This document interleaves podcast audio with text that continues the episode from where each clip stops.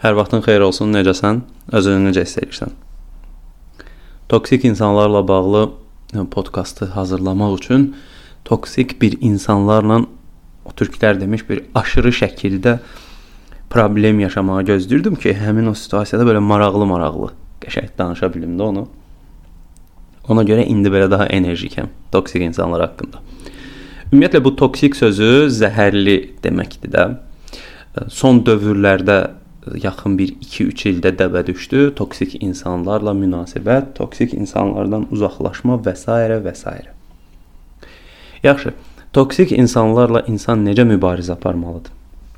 Bu texnologiya inkişaf eləyir.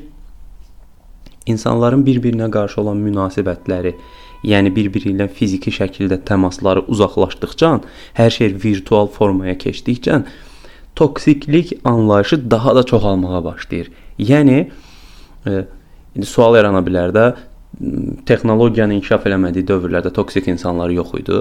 Əlbəttə var idi, amma insan doğuluşdan toksik, yəni zəhərli düşüncələrə sahib olmur da, mühit onu bu şəkildə formalaşdırır.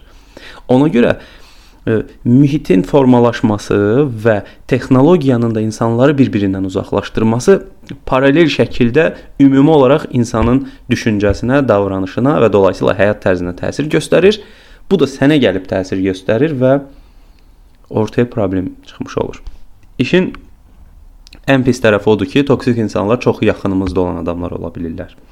Ailədən başqa bu bizim bəzən dost dediyimiz insan ola bilər, bəzən qohum-əqrəba, qonşular, qrup yoldaşları, sinif yoldaşları və s. ola bilər. Və o işin ən problemli tərəfi qan bağlılığı olduğun insanlarla bu toksik münasibətin olmasıdır. Qohumlar bir-biri ilə küslü olur, danışmırlar. Toyda, yasda bir-birinə söz atmalar, filan kəsin arxasınca danışmaq. Hmm, o insanın elə bir ki, ən belə iyrənc, çirkin versiyasını yaratmış olurlar da əslində. Bax bu toksikliyin ən iyrənc tərəfidir mənim fikrimə görə. Ümumi olaraq isə mən düşünürəm ki, insanlardan qaçmaq lazım deyil. Bəzən deyirlər ki, insanlardan uzaq durmaq lazımdır. Ümumiyyətlə insanlarla münasibət qurmaq lazım deyil biri sənin fikrinlə razı deyilsə, onunla heç zaman münasibət qurmamalısan və s. Tamam, bu subyektiv fikirdir. Necə istəyirsən elə də elə. Amma mən düşünürəm ki, uzaqlaşmaq yox, idarə etmək daha önəmlidir. Çünki biz kənara çəkildikcə kənarda heç nə biz istədiyimiz kimi olmayacaq. Çünki kənara çəkiləndə səndən başqa heç nə olmayacaq. Məsələ budur.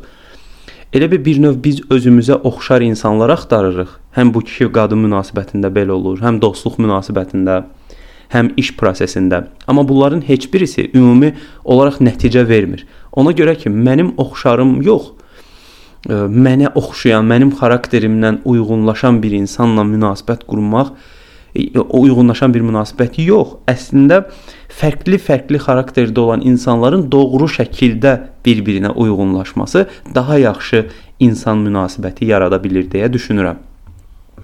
Yəni dolayısıyla nə demək istəyirəm?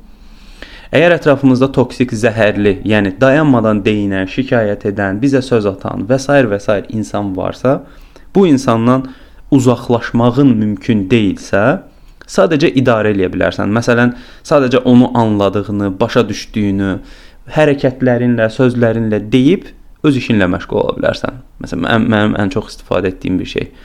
Bu tam olaraq yola vermək sayılmaq deyil, idarə etmək sayılır. Çünki yola verdiyin zaman qarşı tərəf hiss eləyir, idarə etdiyin zaman isə hiss eləmir.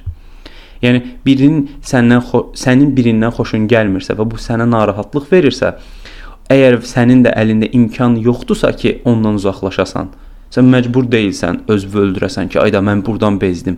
O yeri idarə eləyərək həm də bir növ uzaqlaşmış kimi sayıla bilərsən. Çünki bizim hərəkətlərimizi öncədən idarə edənlər, daha doğrusu bizim hərəkətlərimizi öncədən ehtimal edənlər bizi idarə edən olurlar. Toksik bir insanın hərəkətini, düşüncəsini öncədən ehtimal eləyə bildiyin anda onu idarə etməyə başlayırsan. Bu həm də bir növ öyrənmə yeri açır ha insana. Keçən dəfə seminarda deyirdim. Məsələn, çayxanada sənin 1 saat oturmusansa və bura müstəqil şəkildə özün gəlməmisən, yəni dəvət eliblər, məcbur qalıb gəlmisənsə, orada ayda bura çayxanadır, mən bezdim burdan, tez qaçım düşüncəsində yox. Orada olan zaman insanlar nə düşünürlər, ünsiyyət necə qururlar, nə danışırlar, bu yer mənə nə verə bilər, nə qata bilər. Yəni fəlsəfədə var deyir, faydalı şeyin faydasını hər kəs bilir. Ağıllı insan isə faydasız görünən bir şeydən də fayda götürən insandır. Yəni ən faydasız, ən pis görünən bir şeyin içərisində belə insan üçün bir fayda var. Əgər ona o tərəfdən baxa biliriksə. Bax mənim də demək istədiyim budur. Toksik insandan uzaq qalacam, düzələcəm olmayacaq. Amma idarə edə bildiyimiz zaman nəticə effektiv olur. Bundan sonra idarə edə bildiyimiz zaman bizə bənzər, bizə oxşayan insanlar daha tez bizim qarşımıza çıxırlar və onlarla yaxşı münasibətlər qura bilirik. İdarə etmək üçün isə nə etmək lazımdır? Bütün insanların duyğusal tərəfləri, emosional tərəfləri var. Sən bəzən insana mən səni başa düşürəm demədən belə onu başa düşdüyünü göstərə bilərsən baş hərəkəti ilə, o danışdıqca ona reaksiyalar verməklə, müsbət reaksiyalar verməklə, onun duyğularına şərh verməklə, çünki insanlar duyğularına şərh verən insanları diqqətlə dinləyirlər. Daha sonra onu təsdiq etmək, yəni qəbul etmək yox ha, təsdiq etmək. Yəni ki, hmm, tamam, düşünürəm, hə, bu belədir, bu elədir, hə, məntiqlidir və s. və s.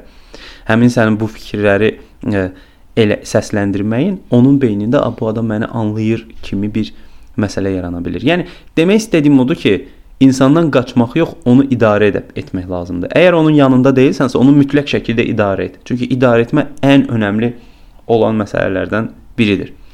Digər hallarda əgər qaçırsansa, tək qalırsansa, bu sənə xoşdursa, okey, elə. Amma uzun müddət davam eləməyəcək. Yox, davam elətdirə bilirsənsə, super.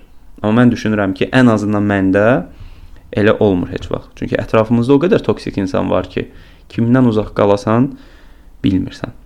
Məsələ budur.